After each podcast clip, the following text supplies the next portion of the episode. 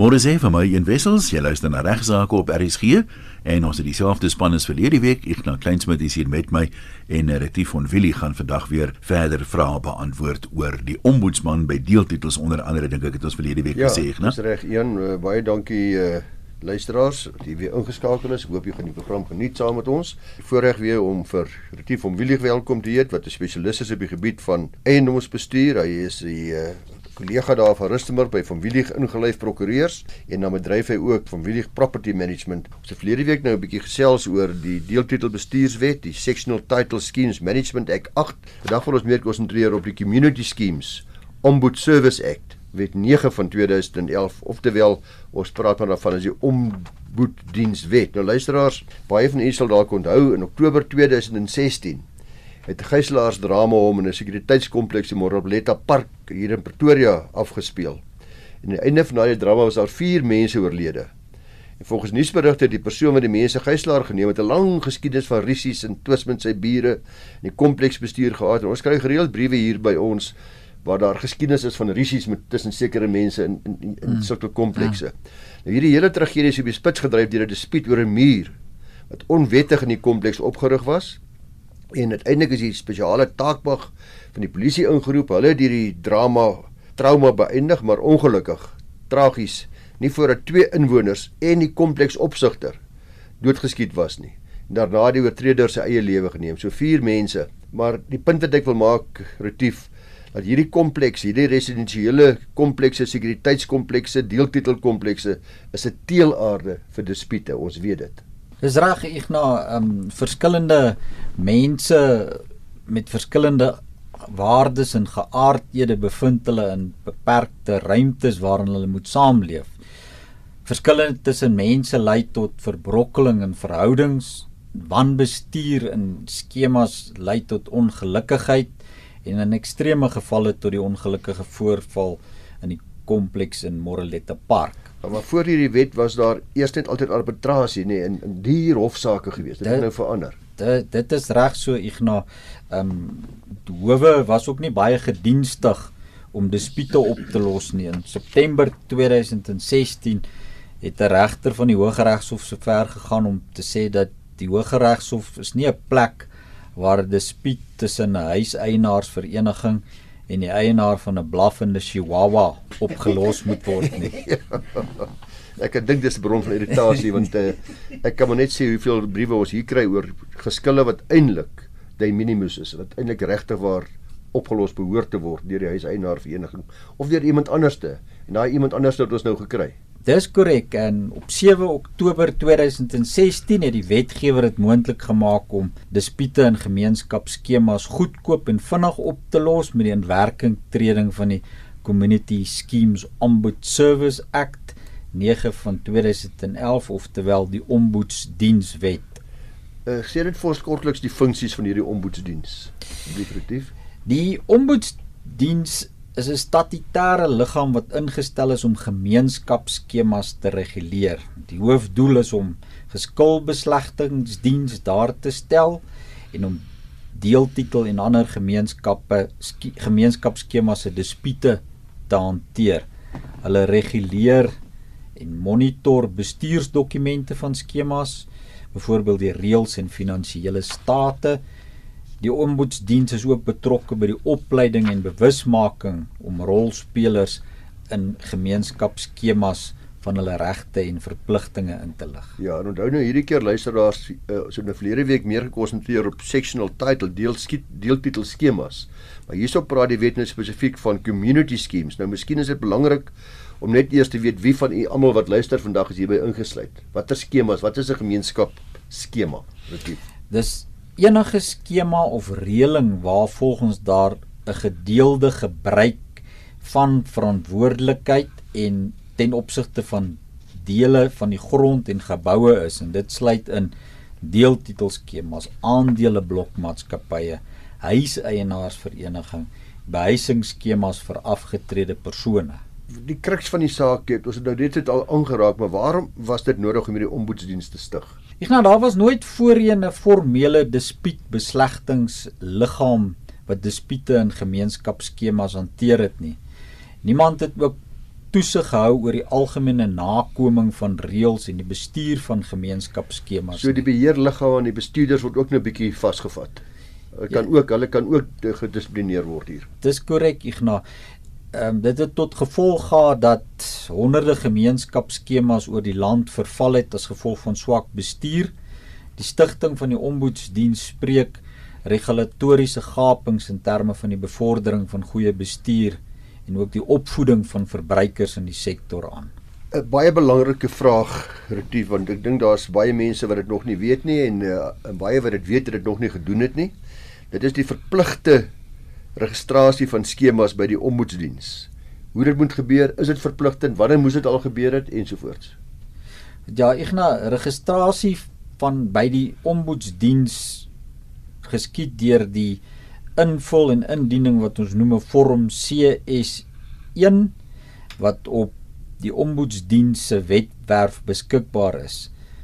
Nou daai webwerf is www csos.org.za.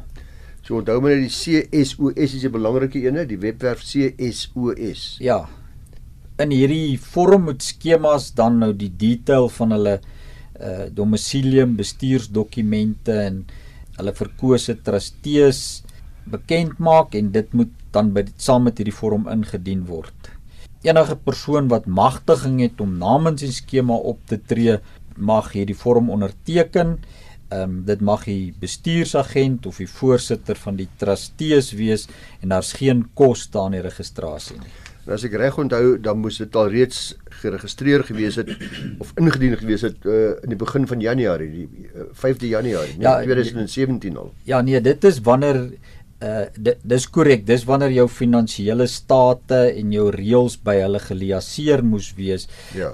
So ja, daar is ander heffings wat in terme van die ombudsdiens gehef word, moes al van 1 Januarie 2017 gehef word en eienaars of beheerliggame of komplekse en skemas wat nog nie daaraan voldoen is nie, raai ek aan om regtig werk te maak om geregistreer te kom by die by die ombudsdiens. Is daar een of ander sanksie as jy dit nou nog nie gedoen het nie, 'n boete of iets, want as jy moet mense moet jy gewoonlik mos maar aanpor met so iets anders doen hulle dit nooit.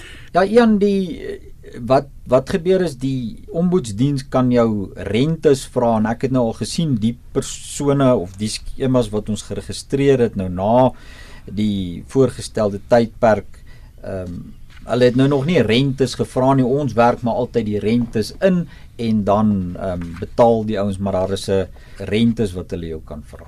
Wat ook baie belangrik is, eh, miskien dit net vanaf vir ons aan uh, spreek is dat daar moes ook al iewers in in verlede jaar of in 2016 al moes daar getrouheidsversekerings gewees het. Ja, getrouheidswaarborgversekering. Ja, die getrouheidsversekering wat uh, uitgeneem moet word deur skemas om hulle fondse te beskerm teen uh, diefstal of verduistering of ver bedrog alhoewel dit nou redelik on dit is maar onre dis onredelik om dit te verwag het maar die wet sê dit moes op 7 Oktober 2016 in in plek gewees het. Nou, ons is al meer as 2 jaar later en baie mense het dit nog nie in plek nie. Dis dis dis reg en ek dink skemas wat daai versekerings nog nie of werk gemaak het van daai versekerings nie, ehm um, moet nou redelik vinnig die goed in plek kry. Retief, is ek reg dat daar was 'n lang tyd wat die omboed self maar gesukkel het om mooi regtig netjies in die gang te kom. Dit was ook 'n hele invaseringstydperk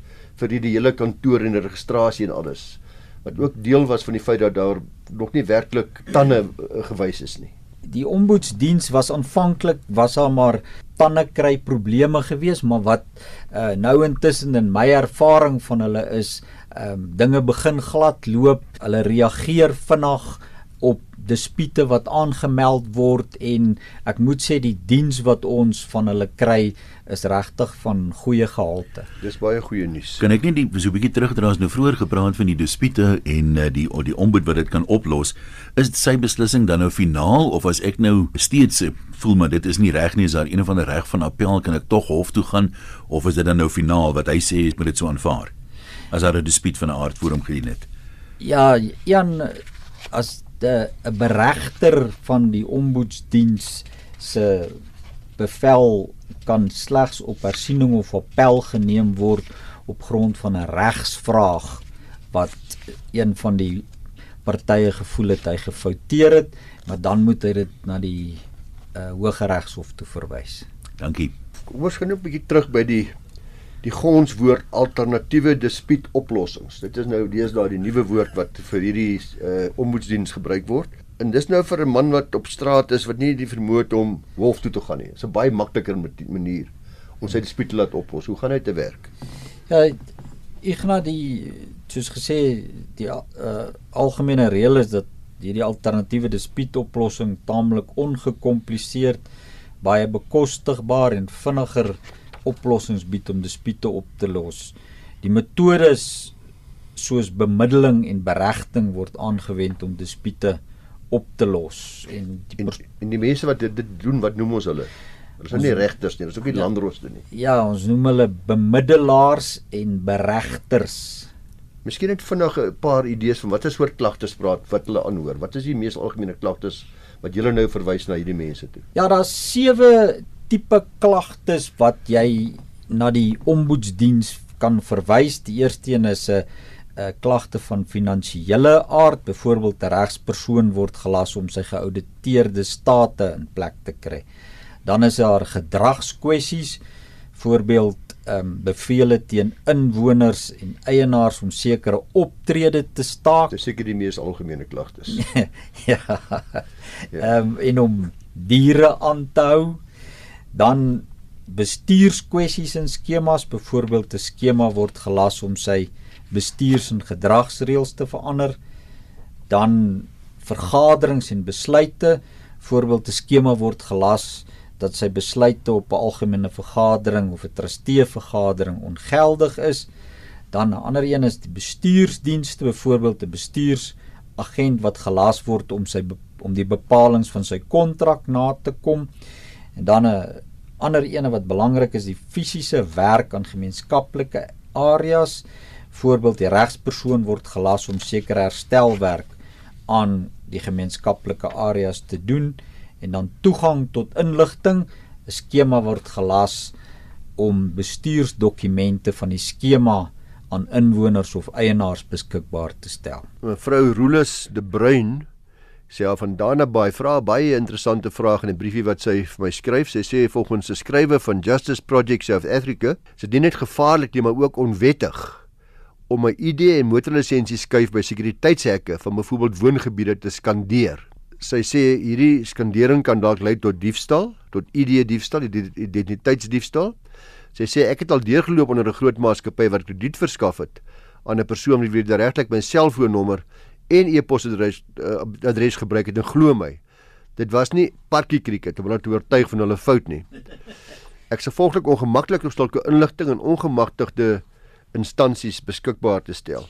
Nou jy, jy sal weet dis nog 'n ding wat baie baie deesdae gebeur by sekuriteitshekke moet jou lisensie geskandeer word as ook jou motorvoertuig skuifie ensovoorts ensovoorts. Nou ek het vir 'n uh, Hein Paprofo se jong prokureur daar by van Velden Duffy by ons gevra om 'n bietjie meer na te kyk en hy uh, antwoord as volg: Die algemene gebruik deur sekuriteitswagte is dat 'n voertuigbestuurder by die hek van 'n kompleks stop dan deur die wag gevra word om sy bestuurslisensie te oorhandig dan die wag skandeer dan ook jou lisensie met 'n sekere skanderingsmasjien en daarna word die voertuig se lisensieskyf ook geskandeer.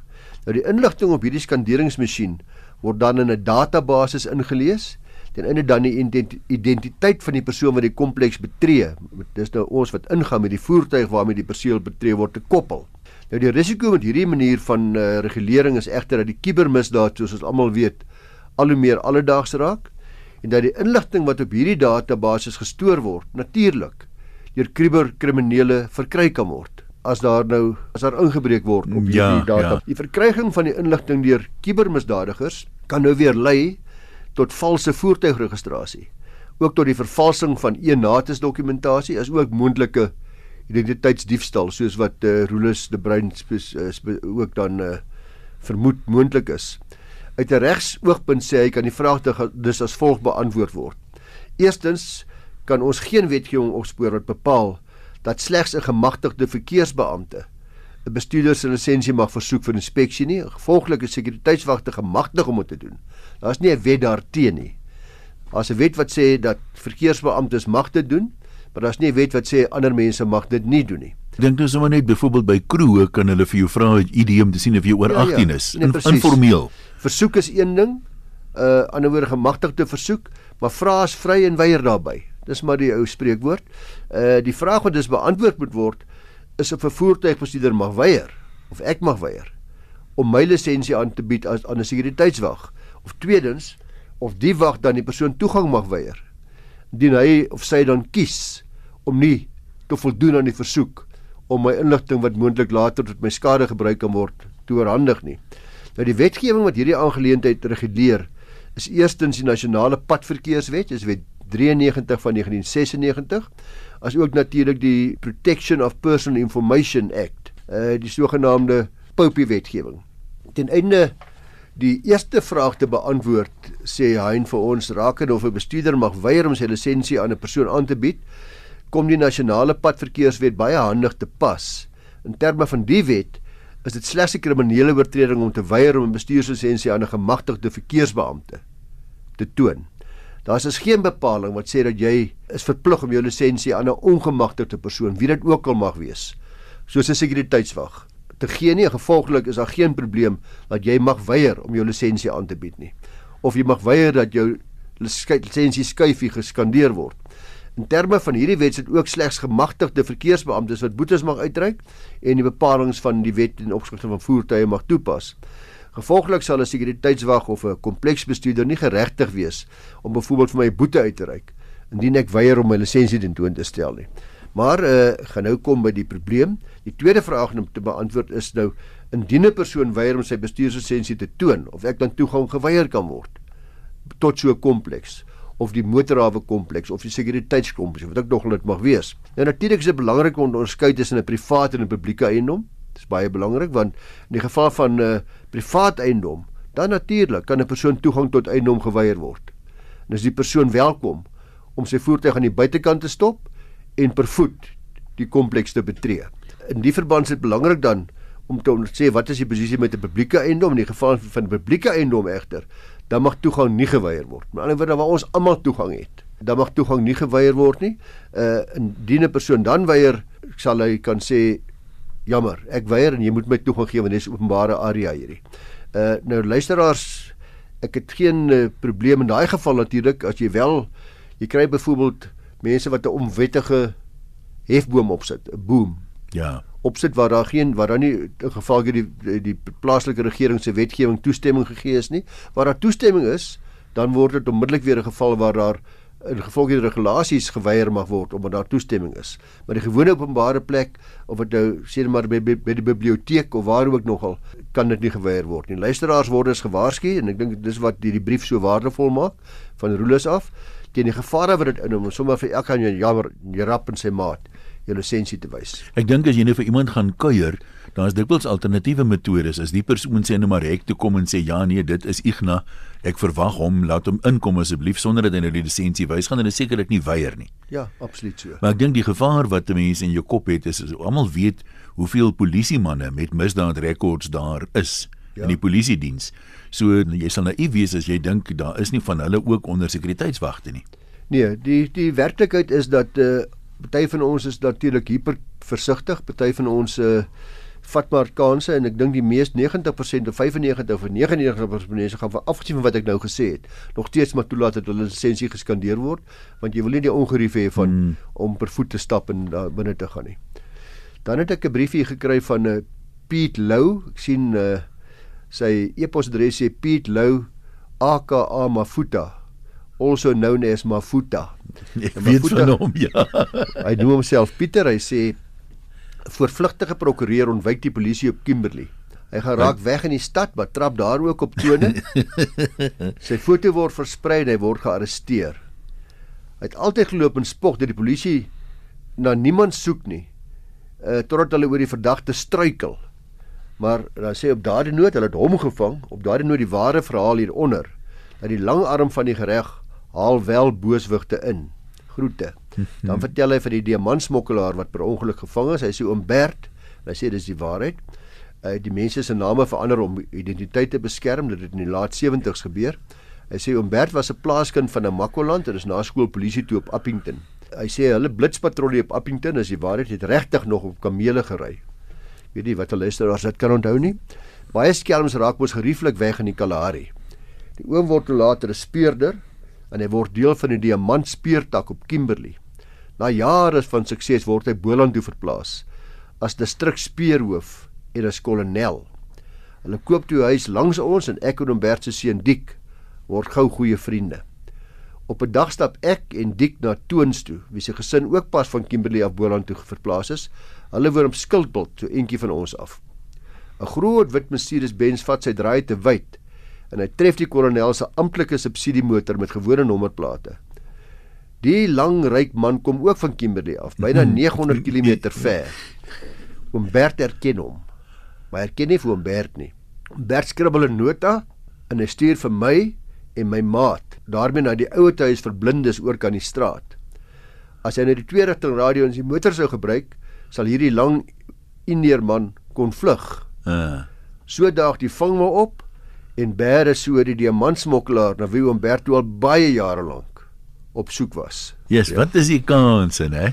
Dit jou tyd is, is Ja. jou tyd. Amorey het mos 'n storieetjie oor toeval. Ja, ja. Van tyd tot tyd. Hierdie is nou 'n mooi toeval storie. toe dis 'n wonderlike titel van van haar boek Toeval lig. Jy weet dis toevallig, ja. Ja. maar die die lig as die as die lig val dan verstaan jy skielik alles, jy weet. En daar's wonderlike stories in daai boek ook. Uh luisteraars, ek ontvang 'n skrywe van iemand wat haarself Fedab noem van Momombela. Dis duidelik dat sy inderdaad keelvol is. Sy het 'n redelike lang brief uh skryf sy van oor twee trustees. Sy praat onder andere van die twee kapokhandjies. En op 'n ander deel van die skrywe praat sy weer van die twee klein windgatte. So gaan sy aan sy allerlei name vir die twee trustees. Dis duidelik dat sy niks van hierdie trustees hou nie. Sy vra spesifiek aan ook vir my of net een of twee trustees die reg het om in 'n deeltitelskema almal te hiet en te gebied. En dan praat sy ook van en sy sê dis twee generaaltjies wat maak of almal onderhewig is aan hulle en geen keuses het nie. Sy sê dat onder andere haar kom besoek, op baie arrogante wyse vir haar gesê dat hulle van haar verwag om 'n afdak wat sy aangebou het by haar eenheid af te breek binne 7 dae. Sy het gevra wie so besluit en hulle houding was hulle nie vir enige iets vir haar hoe verder te sê nie. Sy sê wel ook dat sy notules aangevra het en volgens hulle is dit glad nie hulle nodig om vir haar enige enige inligting te gee of enige notules te gee nie, behalwe om te sê dat is die trustees se besluit. Ek het 'n jare wat ek dink nie lang, meer onlangs nog redelik volledig gehandel met die nuwe deeltitelskema bestuurswet. Retief van Willie was hier Ja, gewees. ja. Ons het die wet redelik goed hanteer. Uit in 2 Oktober 2016 in werking getree. Nou net soos tevore ek maar weer vir u sê dat baie funksies en magte van die deeltitelskema of die regspersoon val wel in die hande van trustees. Uh hierdie trustees is in 'n vertrouensverhouding met die regspersoon en hulle kan uh nie meer hulle pligte uitvoer, meer pligte uitvoer as dit wat hulle het binne die bepalinge van die wet en die gebruiksreëls nie. Natuurlik het al die eienaars in so 'n skema ook regte omdat uh, hulle by 'n algemene vergadering besluite kan neem. Die trustees is dan verplig om op te tree ooreenkomstig hierdie bevoegdhede soos deur die algemene vergadering opgelê. Nou een of twee trustees om jou vraag te antwoord het geen magte geen magte hoegenaamd om self op hulle eie enige besluite te neem nie. En hulle kan net optree binne die opdragte van die algemene vergadering en hulle kan net optree onderhewig aan die wetgewing en die reëls van toepassing op daardie eenheid. Nou as dit dan nou vir jou sê jy moet 'n ding afbreek, kan jy dan sê maar dit moes besluit gewees het op 'n vergadering van hulle dis presies so. en jy jy soek daai notule, hulle moet vir jou kan sê hier staan dit of Ja, as die reëls of die besluite van die algemene vergadering dan is dat geen eienaars aanbouings mag doen sonder vooraf goedkeuring of toestemming nie, dan is hulle heeltemal geregtig wees. Die trustees weet ek moet sê mevrou, ek kom namens die raad van trustees, dis die besluit hierdie. Jy mag dit doen nie, jy moet dit asseblief verwyder, maar dis nie vir hulle om te besluit nie. Hulle moet dan vir jou bewys lewer mm. dat dis die besluit soos jy dit reg gevra het. En dis belangrik dan dat iemand na die standaard bestuursreëls ook kyk soos voorgestel deur die wet. En daar staan dit duidelik dat geen trustees tekenregte het dis dit gemagtig is deur 'n besluit of resolusie van die regspersoon nie. So selfs as hulle vir jou 'n brief gee waarin dit staan en hulle teken homself, dan moet jy sê is hulle gemagtig deur die regspersoon om hierdie besluite te neem. Om ons luisteraar is te antwoord, geen magte vir hulle nie. Hulle magte is begrens. Daar moet notules wees. Die wet gaan verder en hulle sê dat hierdie notules moet opgestel word binne 7 dae na datum van elke vergadering. Dit word baie selde gedoen. Luister nou mooi, u wat in in in oorde is en deeltitel eenhede is. Julle trustees moet dit binne 7 dae opstel. Dan moet hy beskikbaar wees vir ons almal wat daar bly. Dat ons kan sien wat daar besluit is. Ons is dalk met vakansie, of ons kon nie die vergadering bywoon nie. Dan is ons geregtig om te sien en hulle moet binne 7 dae na datum van die vergadering moet hulle na toe kom aan almal wat daarop geregtig is en ons luisteraar is 'n eienaar en alle ander eienaars daar is sekerlik geregtig op daardie notules. Ek sal dus voorstel dat hierdie luisteraar daar nie verder steur aan wat sy noem die twee kapokkantjies nie. Dat sy hulle maar op hulle plek sit en dat sy die voorstel maak aan die voorsitter tees en formeel vir hom vra vir afskrifte vir die notules waarop die besluite geneem is en dan moet hulle behoorlik met die hele raad en die regspersone in verbinding tree en begin onderhandel oor hierdie besluit en dan kyk of sy dalk met hulle vriendelike skikking kan bereik. Dis nogal al hartseer, maar ek het al baie stories gehoor van een of twee mense wat soos 'n weermagkorporaal optree. As so 'n ou tyd het, dan is hy nou die ken mos nou die duiwel se oorkussing nee, wanneer nee, ja. sit en wag vir iemand dalk iets net verkeerd doen. Dis alwaar vir ons gaan tyd hê vandag. Dat dit baie goed gaan daai kant. As jy vra het vir regsaake, stuur dit na igna by ffd.co.za en onthou jy kan na al die vorige programme van regsaake weer gaan luister as potgoeie op rsg.co.za. Dis ons storie vir vandag. Ons praat volgende maandag weer.